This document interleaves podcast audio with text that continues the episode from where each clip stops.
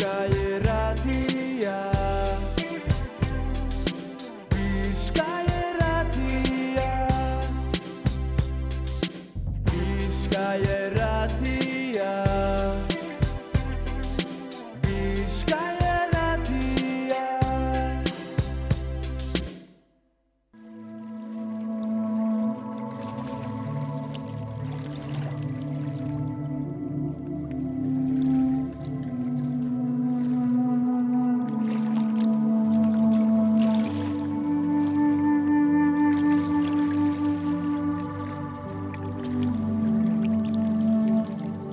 Minutu batzuk falta dira maikak izateko eta zapaturolez geure farmazia tarteagaz joango gara datosan minutuetan dagoeneko dago geugaz estudioan Juan Delarko, bizkaiko farmazialarien alkargoko zuzendari teknikoa. Juan, egun hon, Egun on Gontzal, egun entzule guztioi. zelan astea ondo.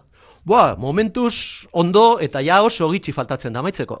Benetan, aurreko astean berba egin genduan, medikamentuek, farmakoek jarraitzen daben prozesuan inguruan, kaleratu aurretik, ezta?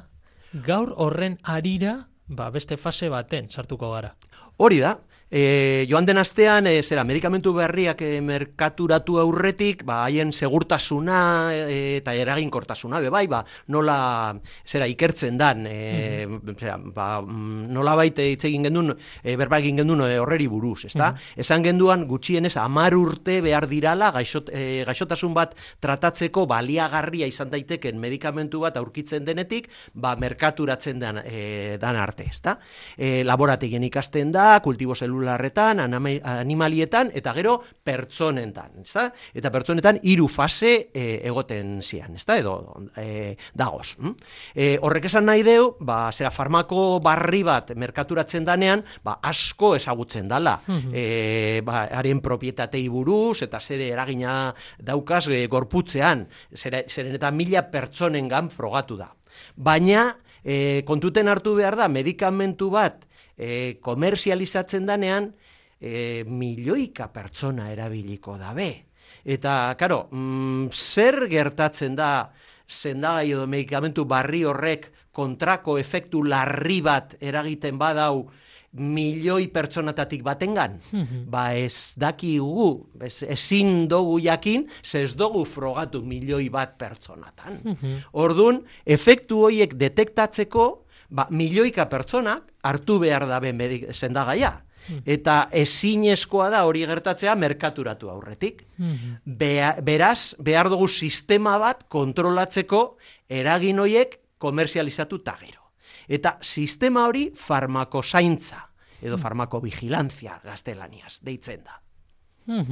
E, sistema hori, e, zera, kontrako erreakzioak edo sendagaiekaz lotutako beste edozein osasun arazo detektatzeaz, ebaluatzeaz, ulertzeaz eta prebenitzeaz arduratzen dan zientzia da. Beraz, zientzia bat da. Ez da horrelako gauzatxu bat, e, beraz, sorginkeria edo, edo ez da ezer serioa, ba, ba, oso gauza serioa da, da, e, dau, sistema oso, zera, oso aurreratuta, ezta? Ezeintzuk dira farmakozaintzaren helburuak? Ba, alde batetik, ezagutzen ez dira ondorio kaltegarriak, eta interakzioak edo e, elkarreraginak, medikamentuen arteko elkarreraginak, goiz detektatzea. Gero, beste medikamentu, hori, beste medikamentu batzuekiko elkarreginak ere bai, ezta? Gero, ondorio kaltegarrien arrisku faktoreak eta mekanismoak identifikatzea. Eta gero, efektu kaltegarrien maiztasuna kuantifikatzea. Ez da bardina, efektu kaltegarri bat egotea milioika, milioi batetik pertsona batengan, amar milioitik pertsona batengan, edo eun pertsonatik baten. Osea, ez da bardina, ez da? E, et, gero, informazio guzti horregaz, sendagaiak segar, segurtasunez erabiltzeko gomendioak egiten dira.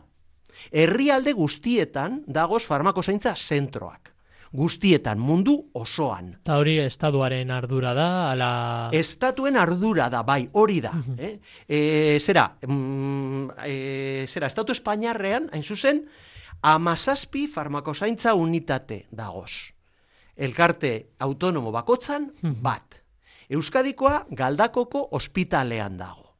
Eta unitate guztioiek amazazpi e, unitate horiek fedra izeneko datu base komun bat partekatzen dabe. Guztiak erabiltzen dabe base berbera eta datu berberak. E, zera, e, farmako zaintzaren tresna nagusia zein da? Ba, da, botiken ondorio kaltegarriak jakinarazteko sistema.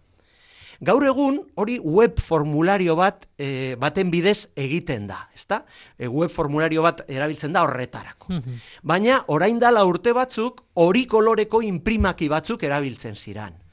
Horrezegaitik txartel horia izenagaz ezagutzen da programa hau. Mm? Programa simple bat da, baina oso eraginkorra.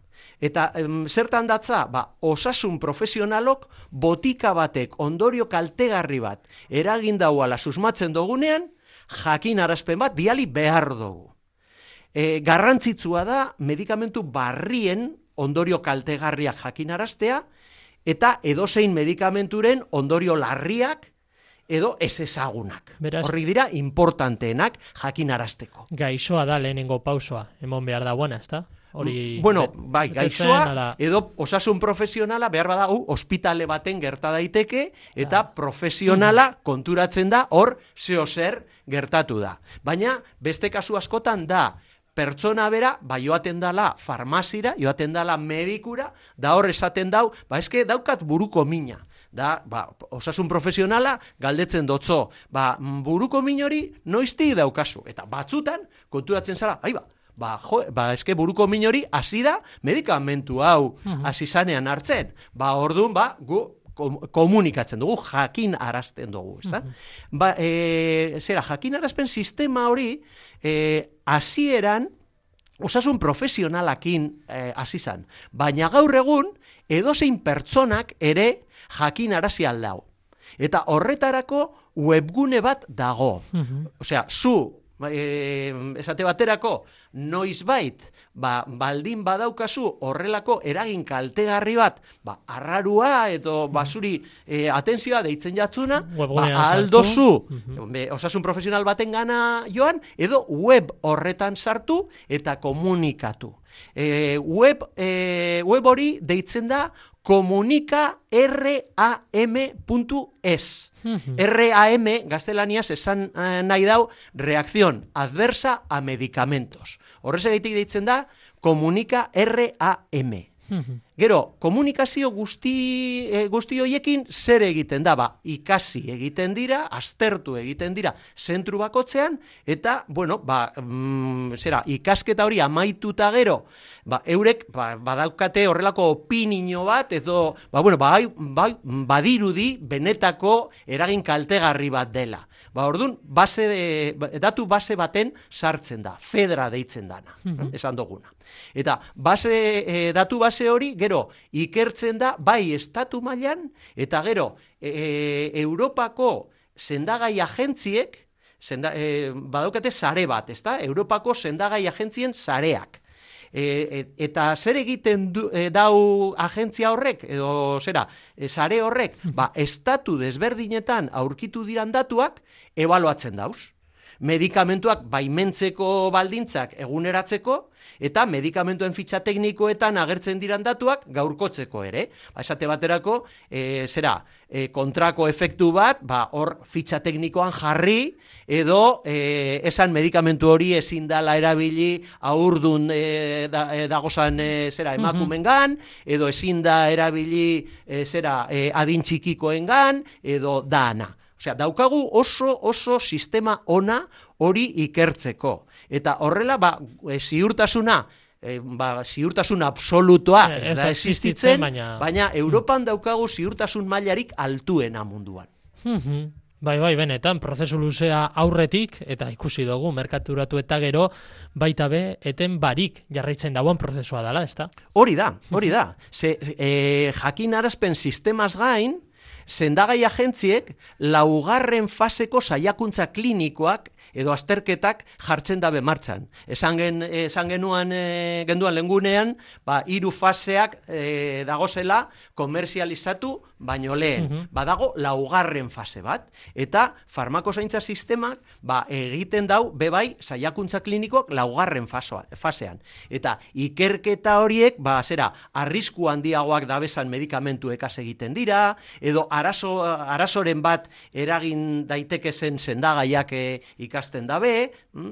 horri deitzen jako, eh, deitzen jako ere bai farmakozaintza aktiboa. mm? Mhm. Beraz, esan duguna, oso sistema ona daukagu farmakozaintzarena eta babesten gaitu eragin kaltegarriaren gai.